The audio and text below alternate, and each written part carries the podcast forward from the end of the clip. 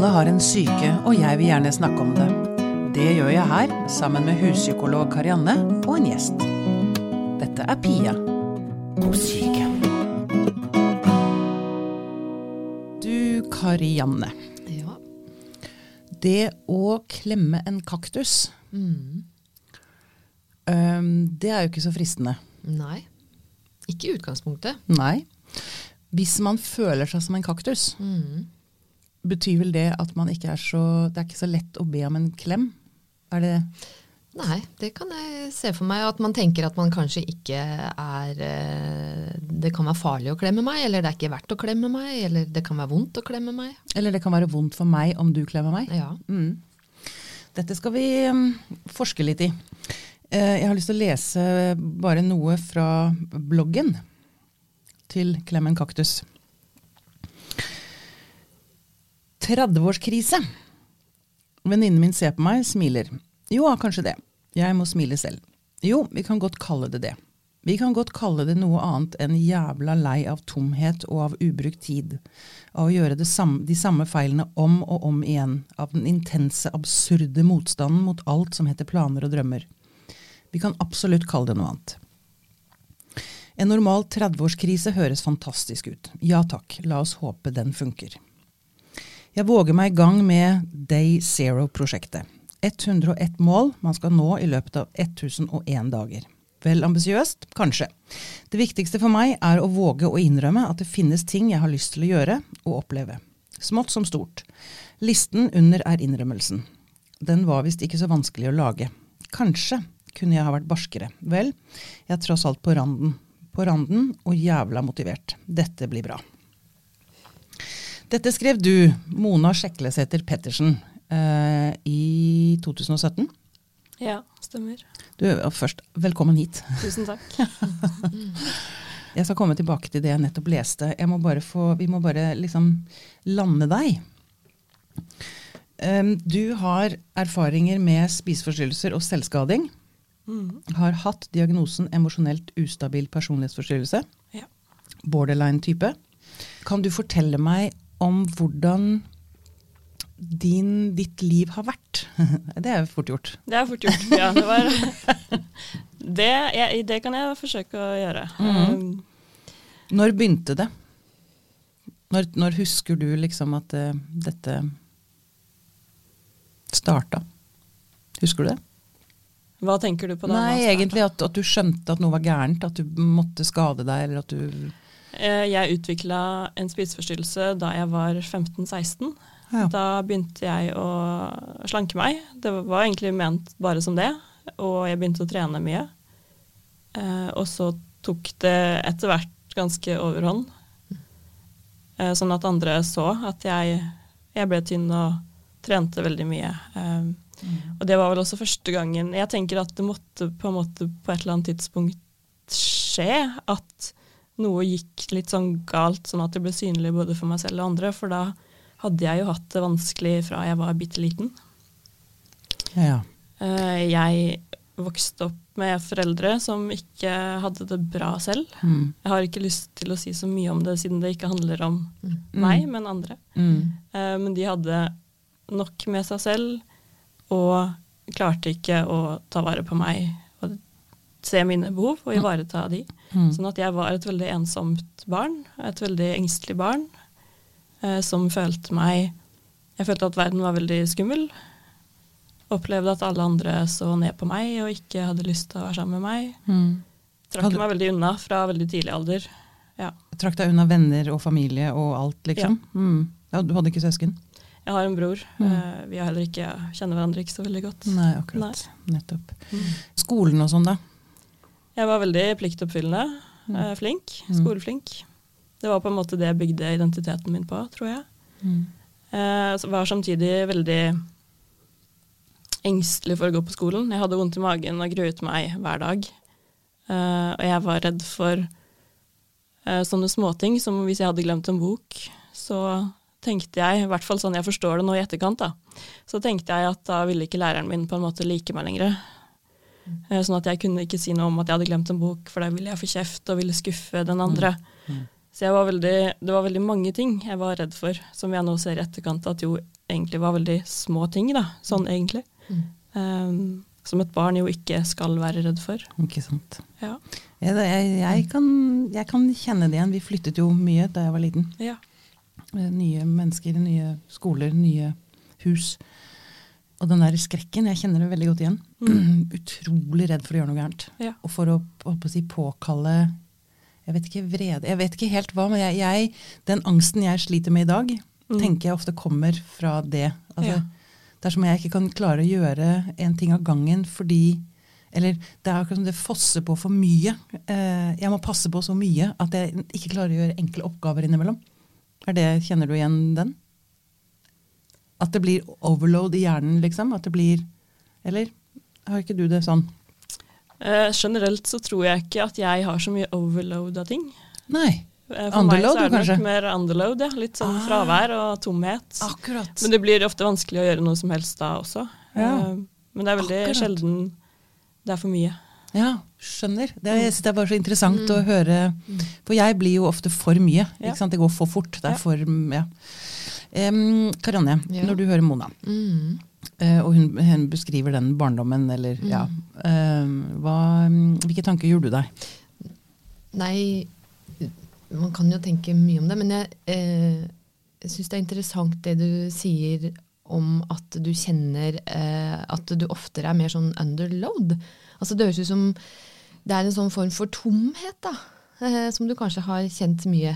Og som eh, hvis man, Nå vet jeg ikke om det var tilfellet med deg, men sånn generelt da, så kan man jo tenke at sant? Hvis hun, omsorgsgivers fremste mål er jo å på en måte holde og, og bekrefte følelser, bekrefte alle følelsesutbrudd, eh, uh, si at alt dette, dette går over, det er, det er bra, det er greit, og da klarer man på en måte å få en sånn god affektintegrering, da, som vi ville sagt på psykologspråket. ikke sant? Altså man, God affekt. ja, altså at man kjenner Man, man har sånn noenlunde tak på Nå kjenner jeg dette. Det er, det er denne følelsen, og det gjør jeg fordi at det er en reaksjon på det. Og så klarer man å holde ut det, og så går det over. Eh, hvis det mangler, så kan man fort komme i en sånn underload-situasjon hvor, hvor, det hvor det er tomt. Og hvor det ikke er så lett å vite hva man kjenner. Jeg vet ikke om det gir noe Det gir mening. veldig mening, og jeg har tenkt det for min egen del. At da jeg var liten, så altså jeg var veldig Jeg var et barn som stengte meg inne på rommet mitt Ja. når jeg var syk eller lei meg. Jeg Ja. snakket ikke om det. Ne.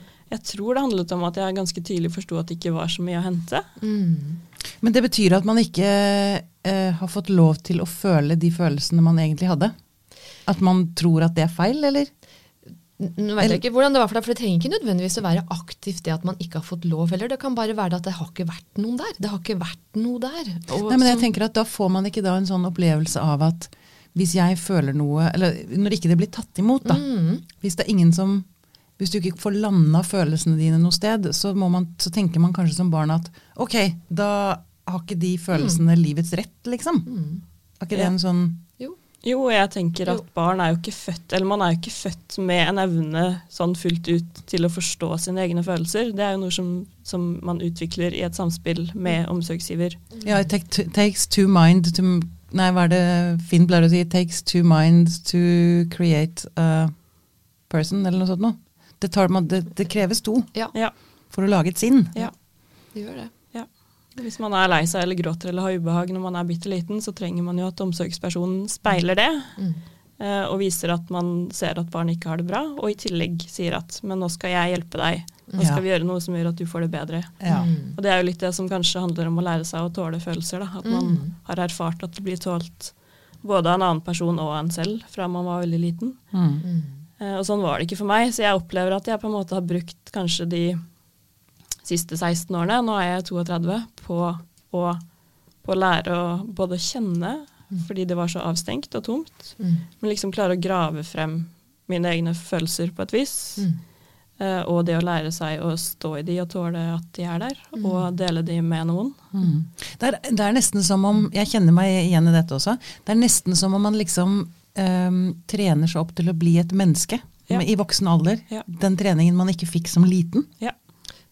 Ikke sant? Fordi når man ikke veit hva man føler, så slutter man også på et tidspunkt, eller kanskje ikke begynner engang, å vite hvem man er. Mm. Ikke sant? Man, man, man, man utvikler ikke et jeg, da, Mm. Nei, ikke sant? rett og slett. Mm. Jeg akkurat, Ja. eh, og, og dette med å teste Jeg har brukt mye tid på å liksom teste å si, i voksen alder da, hva som er lov. altså hvor langt, altså jeg har, jeg har måttet aktivt teste hva som liksom eh, er gangbart der ute i verden. på en eller annen måte. Og så innimellom så har jeg slått for langt, ikke sant? gått for langt. Mm. Og så skjønner jeg at ok, det der er ikke innafor. det har vært det, det, Gjør du også det, eller er du på andre siden der også? Eller når du tester, ikke sant? når du da nå lærer deg å bli et menneske, da, for å si det litt enkelt. Ja. Ja. Eh, hvordan gjør du det? Oi. Eh, Det var eh, tusenkronersspørsmålet, det. Ja. jeg tror, altså det, det, det, det hele bygger mye på at jeg har gått mye i terapi og fått mye av terapeuter det som foreldrene mine ikke klarte å gi meg. på en måte Den speilinga, den bekreftelsen på at jeg er lov å føle. Mm. Vi har sittet og snakket og gravd frem følelser. Mm. Det begynte jo på en måte der. Mm. Eh, Men så var jeg jo også veldig usikker på hva er greit å føle i en gitt situasjon. Eh, hva er greit å gjøre i en gitt situasjon. Så nå, Pia, nå opplever jeg på en måte at jeg er litt sånn på utforskningen. Litt sånn bevisst på hvilke mønstre jeg ofte havner i, f.eks. sammen med andre mennesker. Mm. At jeg ofte er den Jeg jobber med det nå, men jeg kan fortsatt være den som blir sittende stille og kanskje ikke si så mye. Fordi gamle opplevelser av at ingen har lyst til å høre på meg, eller at jeg ikke er viktig, Mm. henger igjen, da. Så nå er det litt sånn, nå går jeg på en måte aktivt inn for at nå i denne bursdagssamlingen så skal jeg faktisk snakke, og så går jeg inn på en måte med en intensjon om å ta plass. Og så får jeg det kanskje til i varierende grad. Mm. Men jeg må jo si at responsen som jeg får tilsynelatende fra andre, er jo god. Eller det virker jo som om folk faktisk har lyst til å ha meg der. og syns det er fint at jeg eh, deler av meg og mitt. Og litt sånn apropos den kaktusen, da, som, som eh, navnet på bloggen min sier noe om. Eh, jeg har jo forstått etter hvert at folk ofte har opplevd meg som ganske avvisende. Men det, og det har du vel sannsynligvis vært òg? Ja, men jeg har jo ikke ønsket, jeg har Nei, ikke ønsket å være det. Ikke sant? Og jeg klarte heller ikke å se at det var sånn jeg ble oppfatta, for jeg tenkte at folk ikke stilte meg spørsmål fordi de ikke var interessert.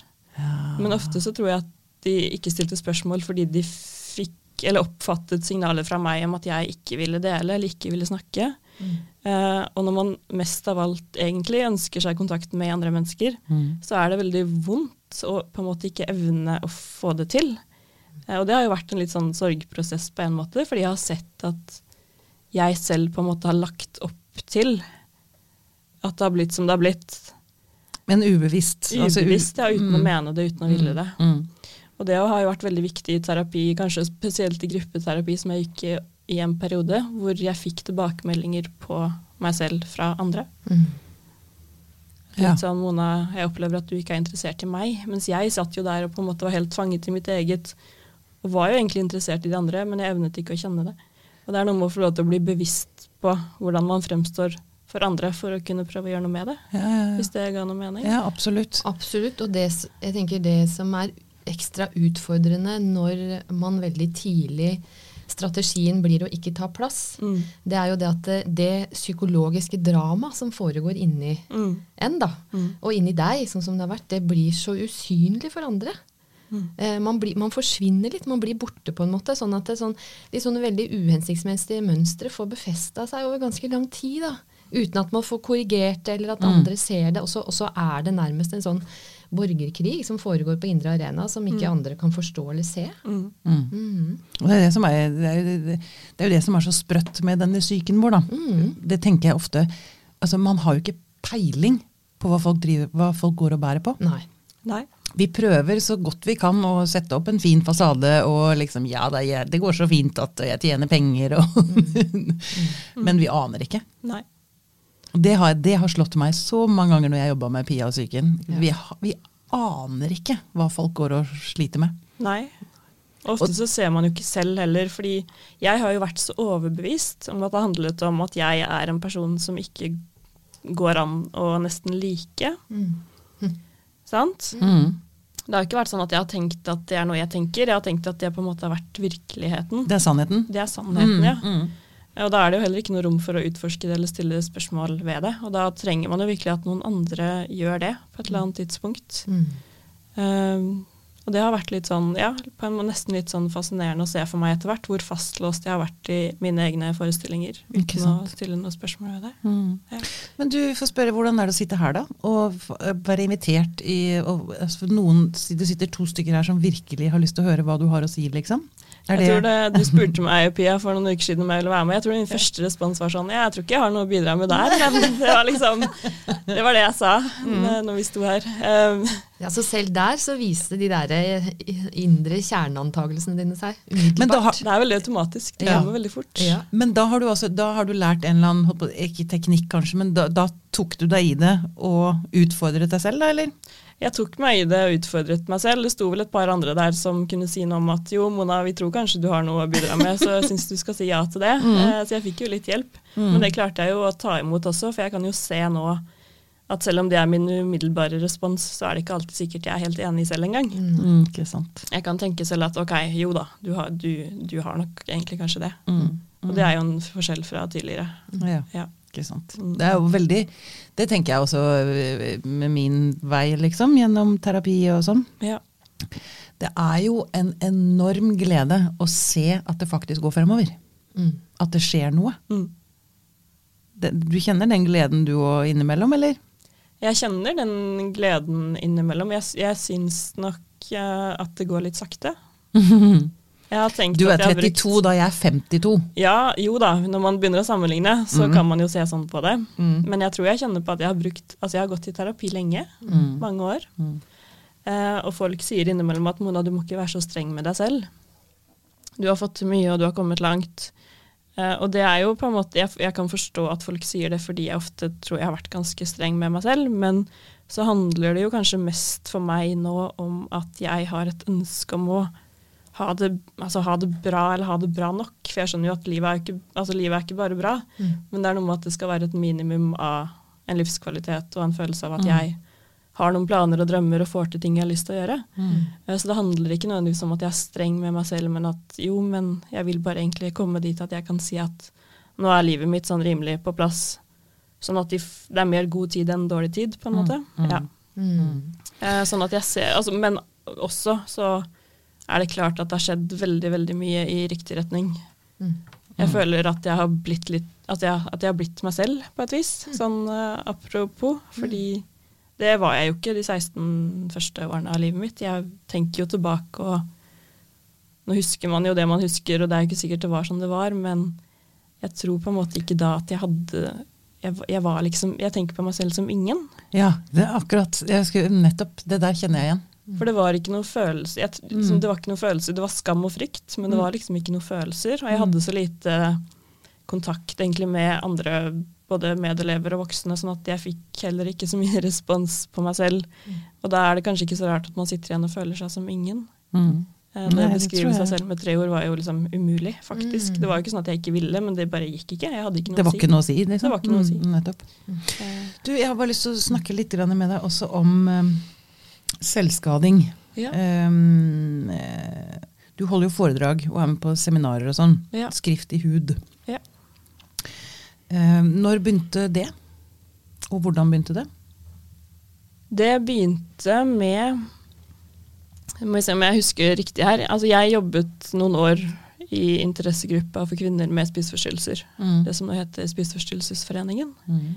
Uh, Og i den forbindelsen traff jeg Bente. Så vi hadde vårt første Sommerfelt? Ja, Bente Sommerfelt. Mm. Så vi hadde vår første temakveld om selvskading sammen da. Mm. Nå husker jeg faktisk ikke helt hvordan vi traff hverandre. Ja, det, Men det, er ikke så farlig. Nei, det er mer selv... Altså, Og- jeg er bare nysgjerrig på dette med selvskadingen, for det er noe som jeg Spiseforstyrrelse kan jeg på en eller annen måte forstå, for jeg har et snev av det selv. Ja. Jeg, jeg, ikke sant? jeg sliter med å få i meg næring, liksom. I hvert fall så var det i forbindelse med mitt frivillige arbeid at jeg hadde kontakt med Bente, og så var det litt sånn, skulle vi gjort noe mer rundt dette med selvskading? For det er jo et tema som, Mm. som berører mange. Mm. Eh, Jeg tror det var, det var der det starta, at vi på en måte tenkte at vi kunne invitere litt sånn åpent. Vi begynte jo, Ja. Første seminaret var jo her på huset. Ja. Men når begynte du med selvskadingen? Hva gjorde jeg, du? Jeg begynte da jeg var uh, 17. Ja. Det var etter at spiseforstyrrelsen hadde utvikla seg eh, fra en mer sånn anorektisk eh, variant til at jeg hadde begynt å spise og kaste opp. Mm. Jeg la på meg mye. følte jeg selv i hvert fall. Eh, og leste jo også mye om spiseforstyrrelser og psykisk helse for å forstå meg selv best mulig. Og jeg leste jo da om selvskading og tenkte at det var, ja, for å si det veldig enkelt, noe jeg ville på en måte vært å prøve, da. Det var verdt å prøve selvskading å prøve. for å få sånn- det bedre. Ja. Mm. Så det begynte der, eh, veldig forsiktig. Og så heng, hang det jo i ganske mange år. Hva, hvordan skadet du deg selv? Jeg i hovedsak så har jeg kuttet meg. Mm. Mm.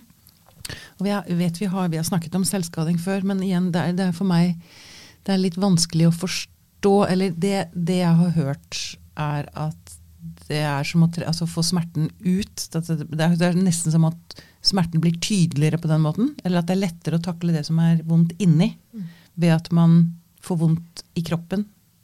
Eh, eh, Ja. ja. eh, det blir jo en annen smerte. Den fysiske smerten, i hvert fall for meg, så har det vært sånn For jeg, jeg syns det har vært veldig vondt å kutte meg, altså fysisk vondt.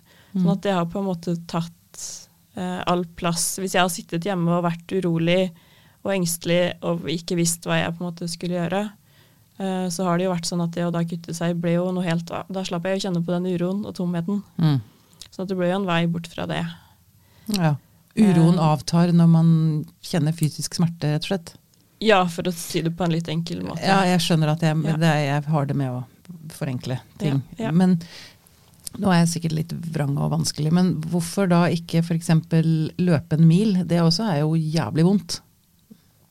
Ja, det, det er det. Nei, jeg bare lurer på altså dette med Og jeg vet også altså Det som provoserer meg, ikke med selvskadinger, men det er jo sånn som jeg har hørt at hvordan unge jenter Det er vel kanskje helst jenter som driver med selvskading. Det, husk på det, Karianne. eh, Og svar på det. Men eh, at de blir møtt når de kommer på legevakten med at nei, du som har skada deg selv, du trenger ikke bedøvelse når vi syr deg. Mm. Altså jeg blir, det, det, når jeg bare jeg sier det nå, så kjenner jeg at det flammer opp i hele kroppen min. for jeg blir så sint. Mm. Eh, Så derfor nå skal jeg bare stille de spørsmålene som jeg innbiller meg at de menneskene som kan gjøre sånt, har. da, Eller at de, at de liksom sier ja, men kan du ikke gjøre det noe annet da, enn å kutte deg, liksom? Mm. Altså Jeg har gjort det, og jeg har løpt mil og jeg har trent masse. Så det var Ja. også en periode hvor jeg trente veldig mye, og Ja. det ble, tok overhånd. Eh, Hadde litt samme funksjon. Mm. Uh, jeg tror Det er jo det, det er et stort tema, ikke så lett å snakke kort om, men eh, for meg så har nok selvskadingen vært, som vi var inne på nå, å få å på en måte endre på hvordan jeg hadde det inni meg, eller få en pause fra den tomheten og uroen, rett og Mm, slett ved mm. å påføre meg fysisk smerte. Så Mm. enkelt kan vi si det. Og så tror jeg også at det handlet om eh, et slakk Altså jeg tror det var et ønske i meg om å på et eller annet vis dele med noen noe av det vonde som jeg hadde inni meg. Altså vise det frem. Vise det frem Ja. på et vis. Ja, det Kanskje kan jeg forstå. særlig i de tidlige årene av selvskadingen hvor jeg hadde så lite ord og så lite Mm. språk og så liten egentlig tillit til at det å snakke med noen kunne være til hjelp, eller var Mm. mulig. Mm. Uh, Så jeg tenker at ofte når jeg kuttet meg og måtte dra på legevakten for å få det sydd, så var det mer og mindre bevisst kanskje et ønske om å ikke være så alene med at jeg hadde det så vondt inni meg. Nettopp. Man får hjelp, selvfølgelig, Ja. når man blør Ja. fysisk. Ja. Man kan blø ganske mye psykisk uten at noen ser det. ja. Men når man blør fysisk, da blir man sett. Mm. Jaha, se der, nå skjønte jeg litt til av det. Mm. Ok, Karianne. Um, bare først, bare dra opp den tråden. Er det flest jenter som driver med selvskading? Ja, det, altså Nå har ikke jeg noe sånn helt klare tall på det, men vi sier jo gjerne det at sånn tabloid sagt at mm. jentene vender aggresjonen innover, og guttene tar den utover. Sånn at det er litt sånn det er nok litt sånn stilisert, men det er nok litt sant også. Mm. Um, men så, så får jeg lyst til å si det, Jeg tenker så mye når du sier det du sier nå, Mona. fordi du, du startet Pia med å si at jeg, jeg syns det er så vanskelig å forstå selvskading. Og så tror jeg det kan være vanskelig å forstå for veldig mange. Og jeg tror for de som strever med det, så tror jeg det viktigste av alt er at vedkommende som sitter og snakker med dem, faktisk prøver å forstå. Ja. Mm. Altså at eh, vi skal, vi, at Jeg er tilbake til mitt, mitt, motto mm. motto som terapeut. Man skal ikke være eplekjekk med noen som sitter foran en og prøver å få til endring om det er det ene eller det andre. Og man skal heller ikke ta for gitt at i det øyeblikket vi hører at en person selvskader seg, så skjønner vi umiddelbart hva det dreier seg om, for det gjør vi ikke. Nei. Nei. Og når du sier eplekjeks, så snakker du om terapeuten? som Ja, eller andre også. Mm? Altså, venner eller- Ja, hvem som helst. mm. Altså, øh, om, det no, om man strever med alkoholmisbruk, om man strever med eh, selvskading, spiseforstyrrelser, så er det veldig lett for oss andre rundt å tenke men er det ikke bare å slutte med det? Og, og jeg veit at det, nå sn- slår jeg inn åpne dører her, da. Ja, ja, jo, men det, det er enig, vi, ikke sikkert du slår dem ut der ute, eller at det er mulig at de er lukket der ute. ja, det kan jo hende. Fordi det er et eller annet med at det, hvis vedkommende kunne gjort Hvis du, Mona, kunne Hvis du hadde hørt at noen hadde sagt at ja, men kan du ikke bare slutte å skade deg, da? Gjør noe annet, liksom. Så altså, du er jo et oppegående, reflektert voksent menneske. Du hadde jo gjort det for lengst. Ja, så det er hvis det. bare hadde vært å gjøre det, så det er, det er sånn- det så vanskelig da. Og så er det også, tror jeg, eh, jeg tror det mange har det på ulike måter. Noen har det sånn at eh, de kjenner seg tomme, og så kjenner de seg mer levende, kanskje, når de skader seg. Noen Ja. har det sånn at de, det er så vondt å være i verden at eh, jeg må numme meg og bli litt mer sånn halvt bevisstløs. Altså, det er så Og det kan være ulike eh, funksjoner for samme person på samme tid, eller til ulik tid. Altså Det er derfor vi på en måte aldri må ta for eh, gitt hva det er det dreier seg for den enkelte. Vi må bare rett og slett prøve å forstå. Ja, Ja, det det handler om er vel å lytte altså, Man må være villig til å lytte. ja, Og ta inn informasjon i hjerte og mage, liksom. Ja, og så kan man nok godt tenke at man skal prøve å forstå det sammen. For det er jo ikke alltid, eller jeg har jo innimellom følt at jeg burde nesten kunne svare på hvorfor, og så har jeg ikke alltid visst hvorfor. Nei. Jeg skjønte at det hjalp meg, at det var noe jeg trengte, men så kunne jeg på en måte ikke helt forklare det selv. Mm. Uh, og jeg har brukt mye tid på å forsøke å forstå hvorfor, fordi jeg opplever at det har vært nyttig for meg. Men det har jo også, når jeg prøver å skrive noe om det, så er det jo ofte, som du er inne på, Karianne, det er mange funksjoner selvskadingen har hatt for meg. Det har variert over tid, og litt sånn fra gang til gang også. Mm. Um, så det har vært nyttig for meg at eh, det har blitt på en måte At vi har forsøkt sammen da, i terapi f.eks. å se på hva det faktisk er det gjør for meg. For det sier jo noe om et behov. Mm. Uh, særlig for meg et kontaktbehov, altså behov for kontakt med andre mennesker. Mm. Uh, og jeg har jo vært alltid en person som har sittet inne Eller altså, jeg har holdt veldig, veldig mye inne fra jeg var veldig, veldig liten. Mm. Uh, og derfor så tror jeg også at det er litt sånn Jeg tenker at vi må tørre å snakke om at det er jo, som vi alle vet, her en myte at selvskading f.eks. handler om et ønske om oppmerksomhet, sier man litt sånn enkelt. Mm. Og så kan man tenke at oppmerksomhet er jo et litt sånn skjellsord, nesten. Ja, hva er det, hva, hva er feil med det? Ja, men hvis man da bytter det ut og sier alle mennesker har jo et veldig grunnleggende behov for å bli sett. Ja. Alle mennesker har det. Når man ikke har fått oppmerksomhet de 16 første årene av livet sitt, så syns jeg det er helt på sin plass å få oppmerksomhet i årene som følger etter, liksom. Altså det er helt innafor å be om oppmerksomhet, da. Ja, jeg tenker det i hvert fall var helt naturlig at alt det, no, altså alt det jeg satt med inni meg, som jeg ikke hadde snakket om For jeg snakket jo ikke. Uh, at det fikk et uttrykk. Og jeg tenker at for meg så var det ofte bedre å kutte meg og dra på legevakta og få hjelp og møte noen mennesker som ga meg litt omsorg, og som viste meg at de ville være der for meg enn det hadde vært å sitte hjemme nok en kveld med den tomheten og uroen. For det hadde ikke Jeg tenker ikke at det hadde bidratt Nå må jeg tenke meg litt om hva jeg sier, for det er jo ikke sånn at jeg, jeg mener ikke at det å kutte seg er en god løsning. Nei, det mm. Men jeg kan forstå det Altså, jeg hadde ingen alternativer, sånn jeg ser det selv. Da var det å sitte hjemme og holde ut, som jeg hadde gjort i veldig mange år. Mm. Og det var jo heller ikke sånn at jeg tenkte at nå skal jeg kutte meg for å kunne dra på legevakten, men det var jo et veldig behov for å komme ut av den tomheten og uroen. Og så tror jeg jo noe i meg kjente at jeg ønsket meg noen der. Jeg ønsket meg omsorg. Kunne noen vært der sammen med meg og hjulpet meg? Mm. Og jeg tror jo at jeg visste Altså, jeg visste jo at det var mennesker på legevakten. Mm. Så at alt det der henger jo litt sånn sammen, tenker jeg. Mm. Eh, Men at det er noe veldig forståelig i å ha det uttrykket for å dele med noen. Mm. Og så var det jo sånn at når jeg da kom på legevakten og fikk stort sett Jeg har stort sett blitt møtt ålreit eller godt på legevakten. Mm. Eh, og jeg fikk jo erfaringer etter hvert på at det fantes mennesker der ute som hadde lyst til å snakke med meg Mm. og lyst til å hjelpe meg. Mm.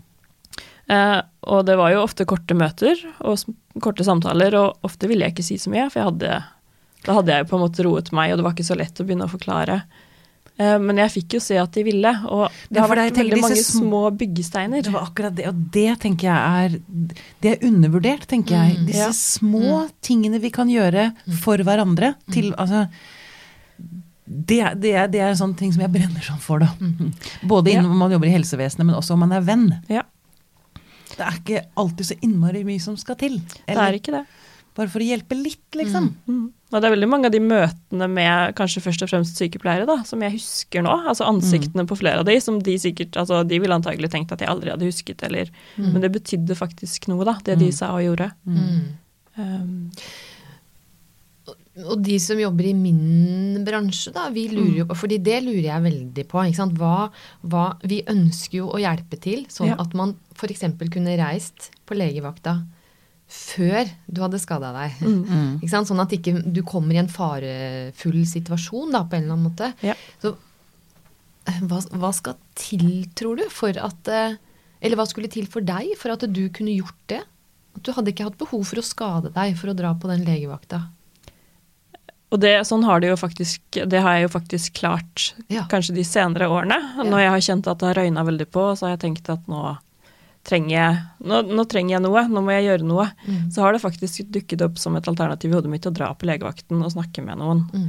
Eh, Jeg tenker at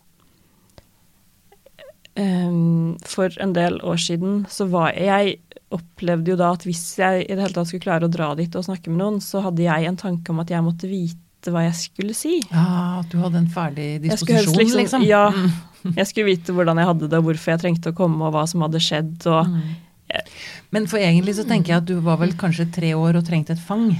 ja, Det er sånn jeg hører, som jeg kan kjenne igjen i meg Ja, selv òg. det kan jeg godt tenke nå, og det er jo veldig veldig skamfullt behov å innrømme da, når man er voksen, for det første. Mm. Eh, Men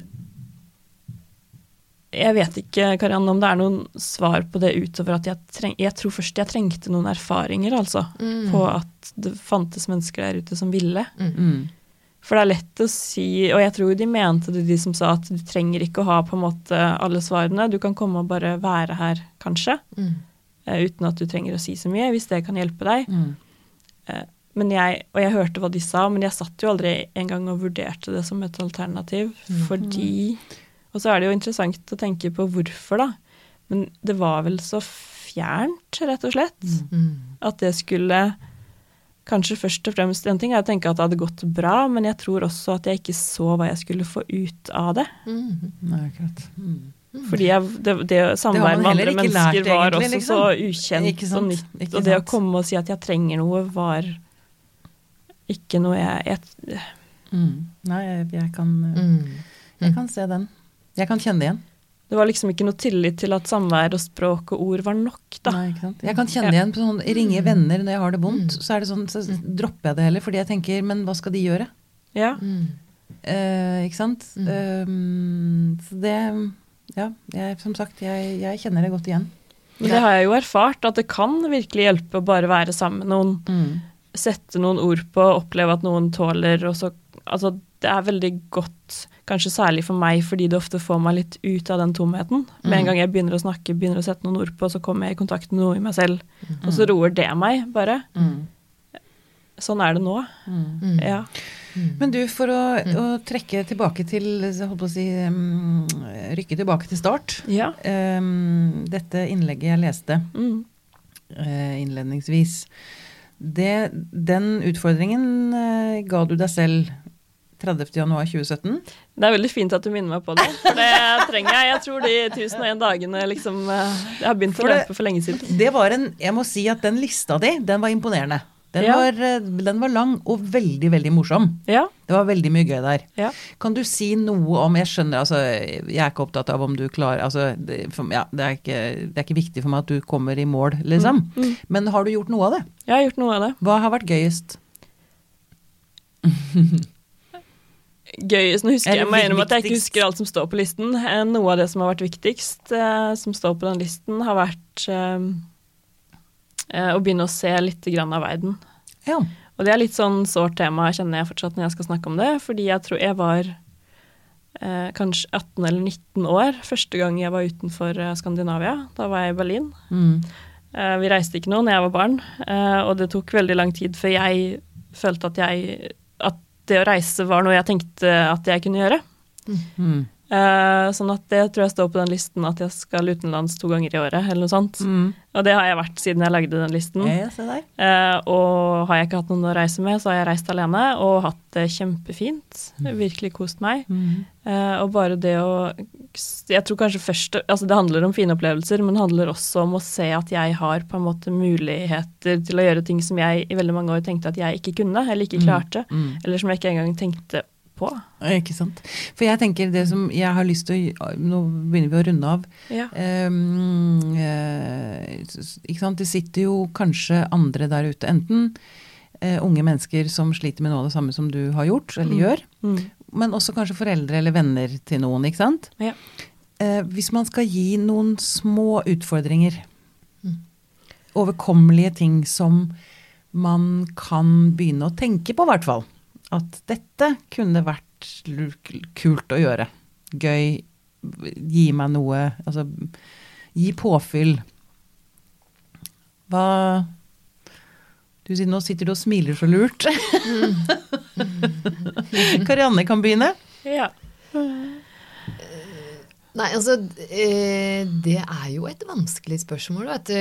Inspirasjon er jeg ute etter, ikke Ja. pålegg. Nei, skjønner, ikke sant? nettopp, ikke Det er, sant? Veldig, det, er, det er mer en sånn Hvordan kan jeg um, i- altså, Egenpleie som ikke er spa, liksom. Ja, og, og ikke er klisjé. Ikke sant? Jeg tror det er det også som gjør det litt vanskelig, Dra en tur og lukt på en blomst, liksom. Ja, det er nettopp det. Jeg tror kanskje det er derfor både jeg, jeg, jeg kan derfor forstår den derre litt nølingen til Mona. For jeg, jeg jo tenker sånn Oi, det er så mange der ute som er i så ulike situasjoner, og så kan man risikere å si noe sånn Ja. klisjéaktig som marginaliserer Jeg gikk i fella! Jeg Ja, nei, gikk i det, det her er vel ikke noe felle, egentlig. jo, men det er så lett. Det har jeg også hørt. Det har jeg opplevd selv, og jeg vet venner av meg som har sliter med ting, har opplevd det. Men Pia, kan du ikke bare Ja. gå en tur, da? Ja. så blir det Ja. altså, det, og det var den fella jeg skjønte nå at jeg gikk i. Litt. Det er sånn fordi jeg har så lyst til å slutte på en Opp. god note, Ja. et god tone. Jeg skjønner hva jeg mener. At, um, Men hvis- Fordi du er jo beviset, Mona, på at det går faktisk an å få det bedre. Ja. Det krever jævlig mye hard jobbing. Ja. Og man må være villig til å Jeg har lyst til å si på engelsk put yourself out there. Mm. Ikke sant? Hvis Mm. man føler at man er alene eh, og tom og ingen. Ja. Ikke sant? Veien ut av det er jo å gå utfordre seg selv Mm. ja. med hjelp fra Mm. flinke folk. Og da jeg var tom og ingen, så kjente jeg jo ikke på noen ønsker eller drømmer eller planer. Folk spurte meg om hvor jeg ville være om fem år, jeg hadde ikke peiling. Jeg tror på svaret, ditt, svaret mitt på ditt spørsmål, Pia, tror jeg kanskje Jeg, jeg har ikke noe godt svar. Eh, for meg så har det vært viktig eh, Og det har skjedd litt uten at jeg har tenkt over det, tror jeg, men at de drømmene da jeg hadde inni meg et eller annet sted, som jeg tenkte at nei, men du kan ikke dra på ferietur, eller du kommer aldri til å få deg en kjæreste, fordi hvem skulle ville det? Altså, det har jo ligget der. Eh, og så vet jeg ikke helt hva som etter hvert har gjort at det har blitt mulig å ta tak i det, men det ble det jo. Så det må vel handle et eller annet om at man må Det var veldig, veldig skummelt, husker jeg. For det var mye lettere å tenke at det var noe jeg ikke ville. Eller sånn Nei, det er ikke viktig for meg å reise. Det var jo et sånt mantra jeg hadde i mange år. sånn andre på Ja, For å beskytte deg, liksom? Ja, Eller, ja. for å beskytte meg. Mm. Uh, og så forsto jeg jo etter hvert at det var jo ikke sant. Mm. Mm. Men da krevde det også litt å komme dit at jeg både kunne si det og faktisk ta tak i det. Mm. Eh, Men hvis man har den type ting som man kanskje går og tenker på, eller sånne forestillinger som man har blitt litt sånn bastant på at nei, men det er ikke meg, eller jeg vil ikke det, eller Ja, still spørsmålstegn ved dine egne man, Ja, Mm. for jeg vet jo at jeg hadde litt sånn Det var veldig viktig for meg å skyve det unna og tenke at det var meg, og så har jeg jo skjønt etter hvert at det var helt feil. Så kanskje man skal begynne med å våge å være litt sånn nysgjerrig Ja. på de forestillingene man har om seg selv og livet sitt, og se om det kanskje kan være noe der som Ja. Nysgjerrighet er en god ting. Ja. ja. Og så, og så og så- jeg leste også den lista di, Ja. Mona, og Ja. det som slo meg når jeg så den eh, Nå kan jo andre bli nysgjerrige og faktisk gå inn og se Ja. var, Ja, var at det var planen Jeg må ja inn og se på den og begynne å jobbe med den selv, jeg. Så. Jo, men den, den var jo faktisk helt utrolig kreativ. Og Mm. veldig mye av det som sto der, var Det var ikke sånn kreativt i den forstand at man liksom må være kreativ, Nei. men det var mer sånn Det var alt fra stort til smått. Kraft. Eh, som gjør at det kanskje kan være mulig å nå de tingene man setter opp. da. Fordi det er jo noen som har, det er jo en som har blant annet skrevet en artikkel som heter noe sånn Where's the bee in cognitive behavior therapy?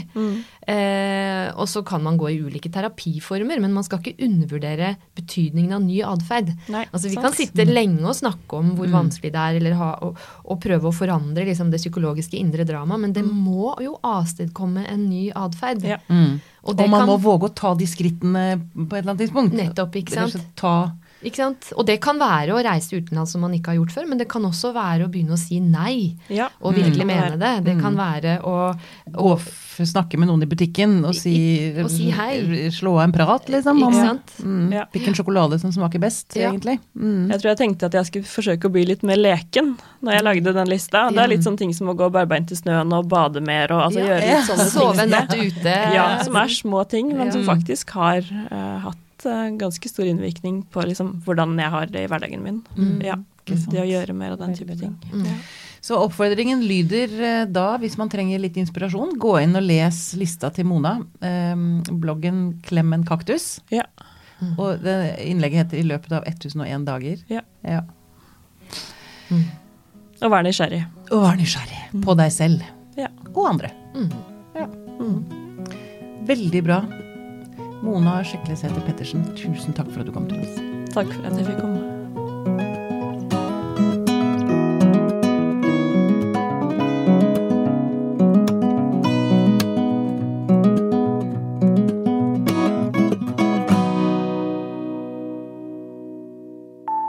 Podkasten er produsert av Tid og Lyst. Med støtte fra stiftelsen Kåre Berg.